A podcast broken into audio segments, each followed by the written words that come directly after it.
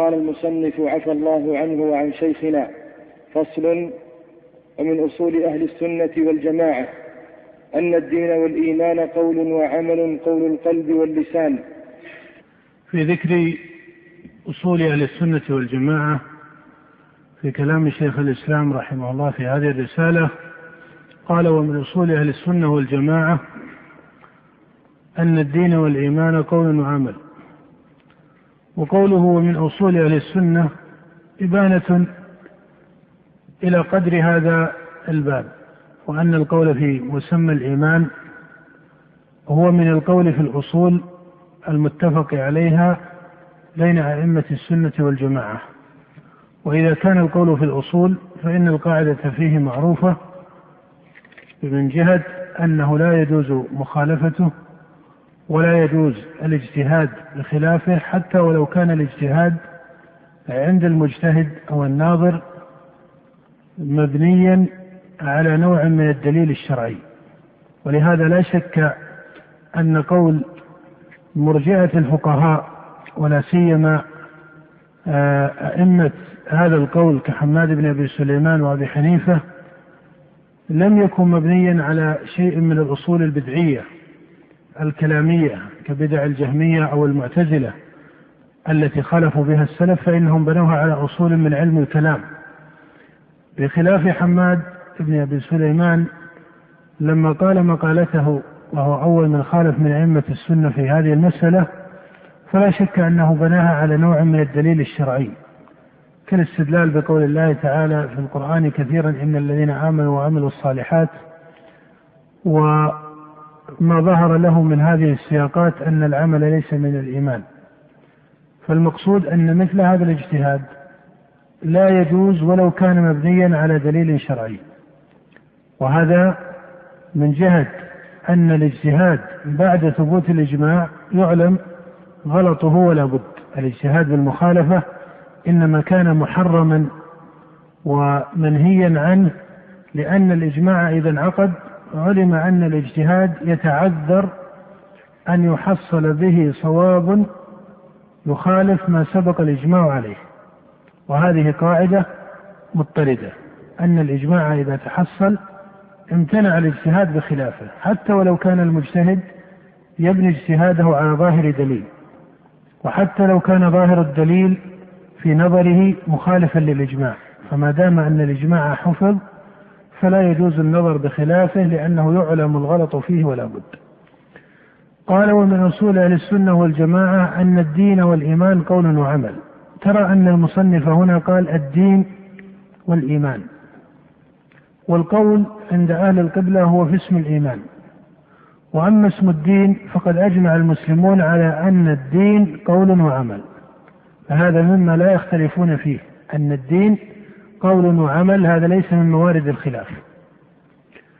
وأجمعوا على أن الإيمان عند الطوائف أيا كان مذهبها أنه من الدين.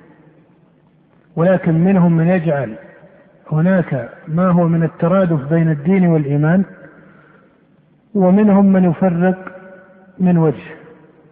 وكأن من محصل مذهب أهل السنة والجماعة أن الدين والإيمان على اسم أو هذان الاسمان على مسمى واحد.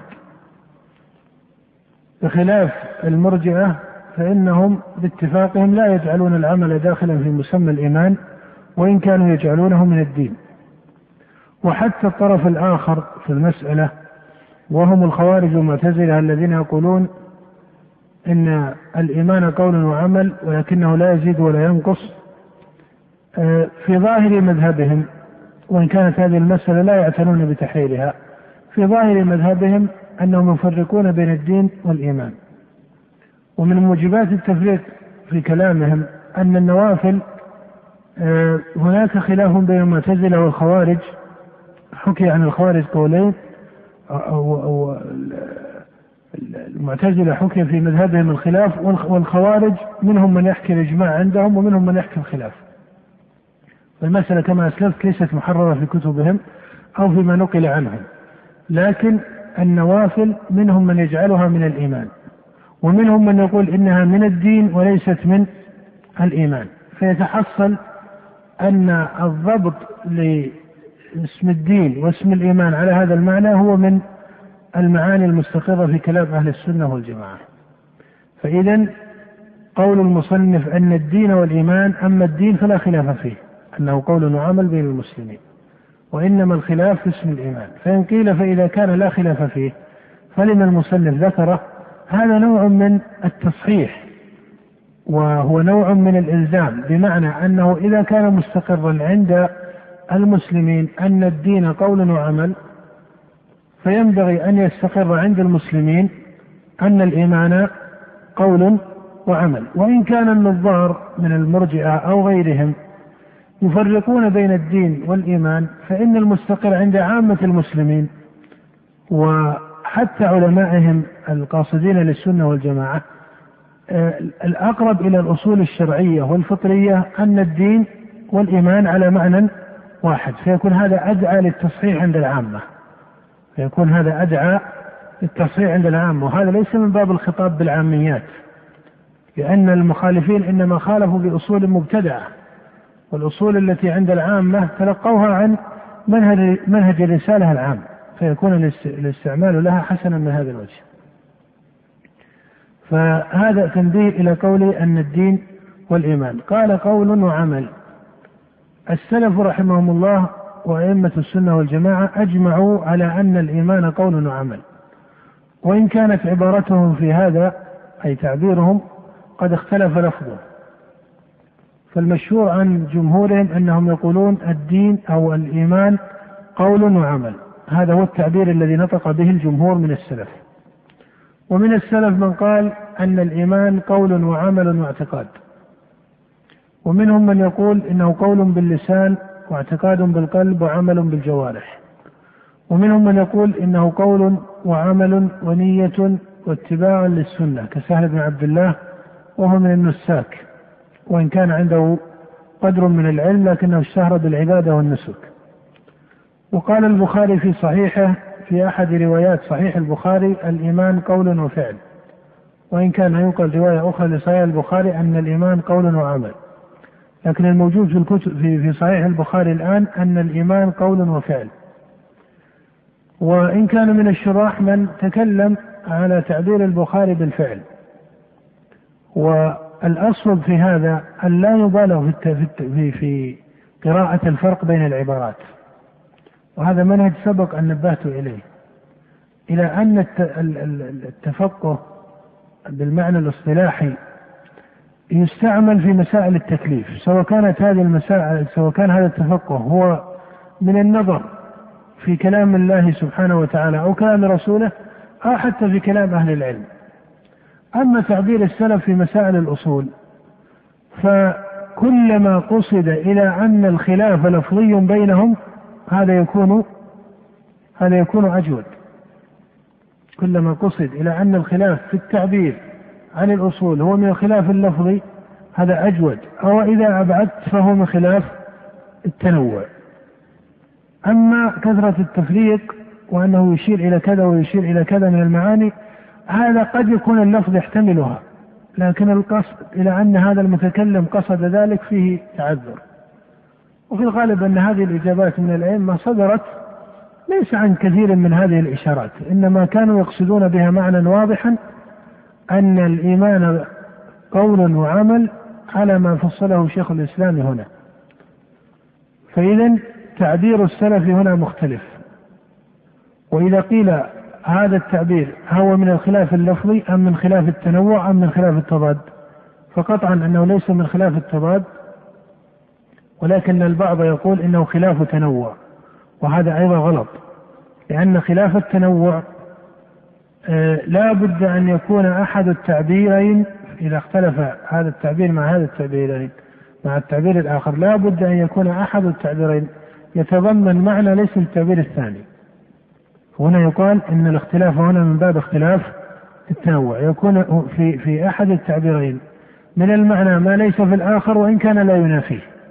فاذا جاء هذا قيل إن الخلاف هنا خلاف إن الخلاف هنا خلاف تنوع أما هنا فإن كلامهم هو من باب الخلاف اللفظي والخلاف اللفظي لا يفهم منه أنه لا ثمرة له كما هو التعبير عن مسائل الخلاف اللفظي عند الكثير من أهل الأصول. إنما هنا وإن كان الخلاف لفظيا إلا أن ثمرته تتجه من جهة أبين هذه العبارات وأصدقها في التعبير عن الحقائق العلمية. ولذلك التعبير الذي قال أن الإيمان قول وعمل وهو الذي عبر به الجمهور من السلف هو أصدق هذه التعبيرات. أصدقها من جهة الألفاظ لأنه أحكم لفظا. وما وجه كونه أحكم من جهة اللفظ؟ وجه ذلك أن قولهم الإيمان قول وعمل تضمن المقامات الأربعة قول القلب واللسان وعمل القلب والجوارح. أما قول اللسان فمعروف وأما قول القلب فهو تصديقه. قول القلب هو تصديقه بما هو من التصديقات الشرعية. وأما عمل القلب فهو حركته بهذا التصديق بأعماله المناسبة له. وأما عمل الجوارح فهو بين. عمل الجوارح بين. إذا قول القلب وعمل القلب وقول اللسان وعمل الجوارح. هذه أربعة مقامات.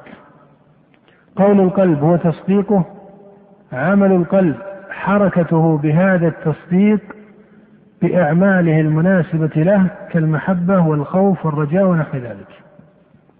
قول اللسان هو نطقه وعمل الجوارح أيضا بين. هذا التقرير الأول لفضل هذه الجملة أن الإيمان قول وعمل لأنه قد يرد عليها في النظر البسيط عند بعض الناس أن الإيمان قول وعمل فيقول قائل أين إيش؟ إذا قالوا قول وعمل سيقول قائل قد يتبادر إلى ذهن بعض الناس أن يقول أين الاعتقاد؟ فالاعتقاد هو قول القلب إذا هذا التفسير له هناك وجه آخر وإن كان ليس صريحا. وإن كان الوجه الآخر أجود من جهة الإفادة هو الإشارة إلى قدر من التلازم والتركيب.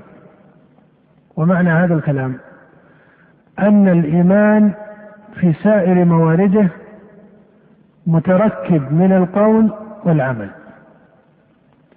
سواء كان هذا التركب بطريق التضمن أو كان هذا التركب بطريق اللزوم.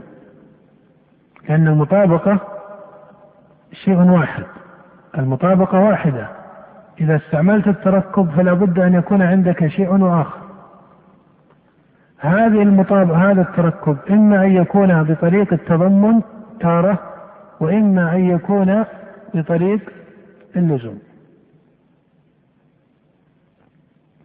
ومن فقه هذا المعنى من النظر العقلي الشرعي بان له أن سائر أقوال المرجئة ممتنعة لا نقول منفية أو غلط نقول ممتنعة من جهة العقل فضلا عن الشرع. ما وجه ذلك؟ المرجئة سائرهم بل سائر أهل القبلة يقولون لا يختلف أحد من أهل القبلة أن اعتقاد القلب وتصديق القلب من الإيمان. ومنهم من يجعله هو الإيمان كطوائف من المرجع إلى آخره. المهم أن اعتقاد القلب الذي هو قول القلب هذا من الإيمان بلا جدل بين المسلمين. فهنا يقال إن ما إن كل ما هو من الإيمان عند السلف فهو مركب من هذين قول وإيش؟ تعبيرهم بقول وعمل. هذا التركب إما أن يكون تضمنا وإما أن يكون لزوما. المرجع لما جاءوا إلى العبادات الظاهرة كالصلاة وقالوا إنها ليست من الإيمان. أليسوا هم يقولون إن الإيمان هو التصديق أو اتفقوا على أن التصديق من الإيمان ومنهم من يخصه به؟ طيب السؤال هنا الصلاة وسائر الأعمال الظاهرة. حقيقتها أنها مركبة من قول القلب الذي هو تصديقه ومن إيش؟ ومن العمل. بمعنى أن السؤال يرد عليها والاستدلالات التي فرضوها يمكن أن ترد مع أنها غير صحيحة في نفس الأمر لكن هي يمكن أن ترد لو كان هناك صلاة أي عمل ظاهر قد انفك عن إيش؟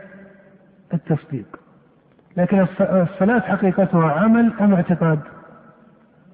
هم يقولون عمل هذا غلط.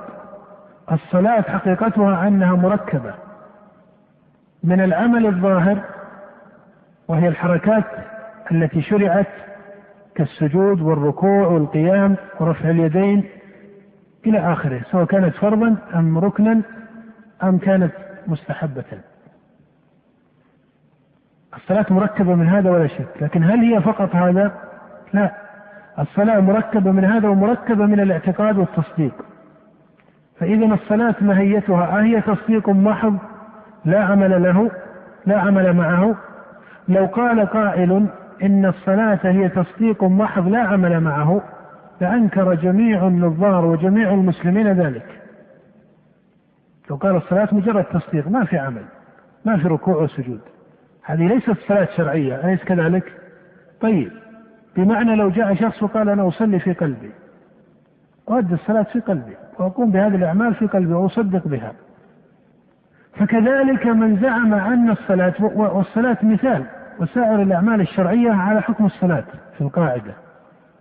من قال إن الأعمال إن الصلاة هي عمل وليست تصديقا. طيب ألست تجعل التصديق من الإيمان؟ وهذا قد أجمع المسلمون عليه. الصلاة هي ماهية مركبة. ويمتنع إذا عرفنا ضرورة عقلية وشرعية أن الصلاة ماهية مركبة من التصديق وإيش؟ والعمل. من قول القلب والعمل. ولك أن تقول إنها مركبة من ماهية الإيمان كله عند أهل السنة. ماهية الإيمان أربع مقامات. قول القلب الصلاة فيها قول القلب أو ما فيها قول القلب؟ فيها. من صلى وهو غير مصدق لأن الصلاة من الإسلام صلاته إيش؟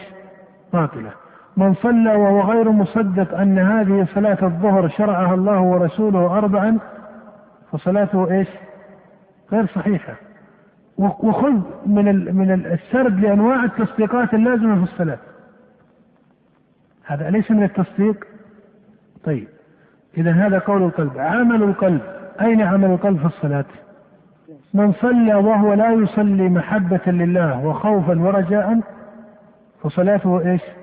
مثل صلاة عبد الله بن أبي صلى لكنه ما صلى محبة وخوفا ورجاء. فإذا لازم بالضرورة أن الصلاة مضمنة. لماذا؟ لعمل القلب. الصلاة مضمنة لقول اللسان فإن المصلي يقول الله أكبر ويقرأ الفاتحة ويقرأ الشهادتين في آخر الصلاة وما إلى ذلك. مضمنة لعمل الجوارح فإنه يركع ويسجد وما إلى ذلك. ولذلك لو أن مصل أسقط أحد هذه المقامات الأربع صلاته ما حكمها؟ باطلة بإجماع المسلمين. أراد أن يطبق الثلاثة الأخيرة ويترك الأول الذي هو التصديق. صلاته باطلة وليس مصلي بل ويمتنع وجود الصلاة منه. بل الأول ملازم للثاني لأنه إذا لم يكن مصدقا لم يكن محبا خائفا راجيا. إذا الصلاة الشرعية والكلام هو في الأعمال الشرعية ليس الأعمال العادية. إذا الصلاة مركبة من ماهية الإيمان أليس كذلك؟ فيمتنع هنا أن تقول المرجئة العمل ليس من الإيمان والتصديق من الإيمان. هذا مبني على فرض أن الأعمال توجد منفكة عن إيش؟ عن التصديقات. هل هناك عمل شرعي واحد ينفك عن التصديق؟ كلا. إذا انفك عن التصديق أصبح عملا غير شرعي. لو أن شخصا دخل المسجد وهارب من نفس مثلا هارب من من من, من يريد قتله أو شيء من هذا القبيل. فأراد أن يظهر لمن يركض خلفه أنه منشغل بصلاة وأنه ليس هو الشخص الذي هرب. فبدأ يتحرك هل هل هذا يحتسب له أنه مصل؟ لا. من قام ليري شخصا كيفية الركوع الصحيحة. فهذا لا يقال إنه دخل في الصلاة يلزمه أن يكون على طهارة وما إلى ذلك. اذا هذه القاعدة هي قاعدة عقلية من النظر لا بد من فقهها. إذا فقهت بان أن قول السلف هو اللازم في العقل وهو المنضبط من جهة الشرع. هذا التركب في الماهيات كما قلت تارة يكون بالتضمن وتارة يكون من جهة اللزوم. إذا هذا قول السلف وأما المخالفون فالمرجعة أصناف ولكنهم اتفقوا على أن العمل ليس من الإيمان والخوارج والمعتزلة تجعل الإيمان قولا وعملا ولكنهم لا يجعلونه يزيد وينقص. بالطاعات بحيث أن مرتكب الكبيرة لا يكون كافرا. بل الخوارج والمعتزلة اتفقت على أن ترك الواجب الموجب للكبيرة يوجب عدم الإيمان إما بالكفر عند المعتزلة أو عند الخوارج أو بالفسق المطلق عند المعتزلة. نعم.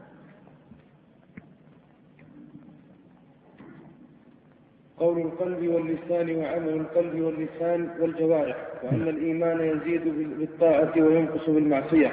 نعم يزيد بالطاعة سواء كانت هذه الطاعة قلبية أو كانت ظاهرة.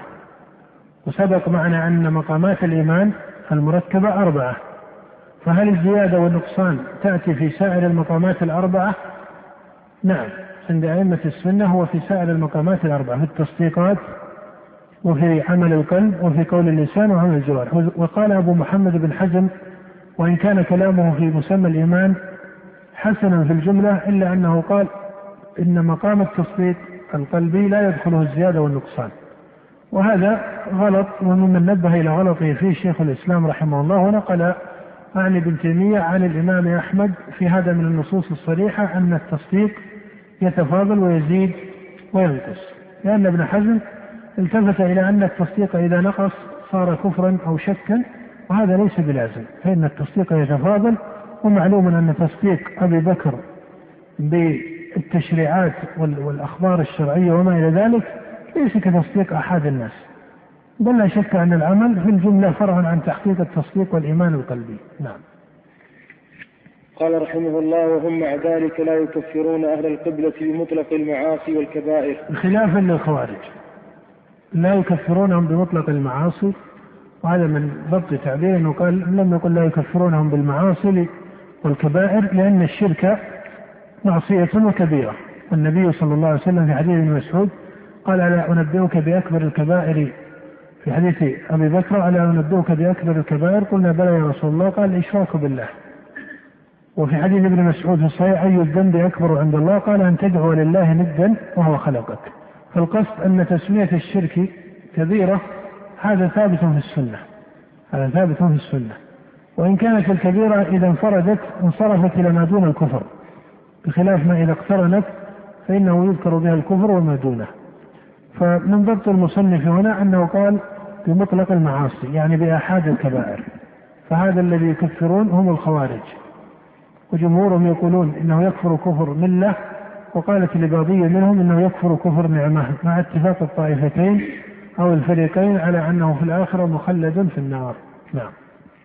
قال رحمه الله كما يفعله الخوارج الخوارج بل الأخوة الإيمانية ثابتة مع المعاصي كما قال سبحانه في آية القصاص فمن عفي له من أخيه شيء فاتباع بالمعروف نعم والأخوة الإيمانية ثابتة ولو مع الكبائر التي لا تنافي أصل الإيمان خلافا للمعتزلة الذين جعلوا الكبيرة موجبة لإسقاط أصل الإيمان ومسقطة لأصل الأخوة في الدين.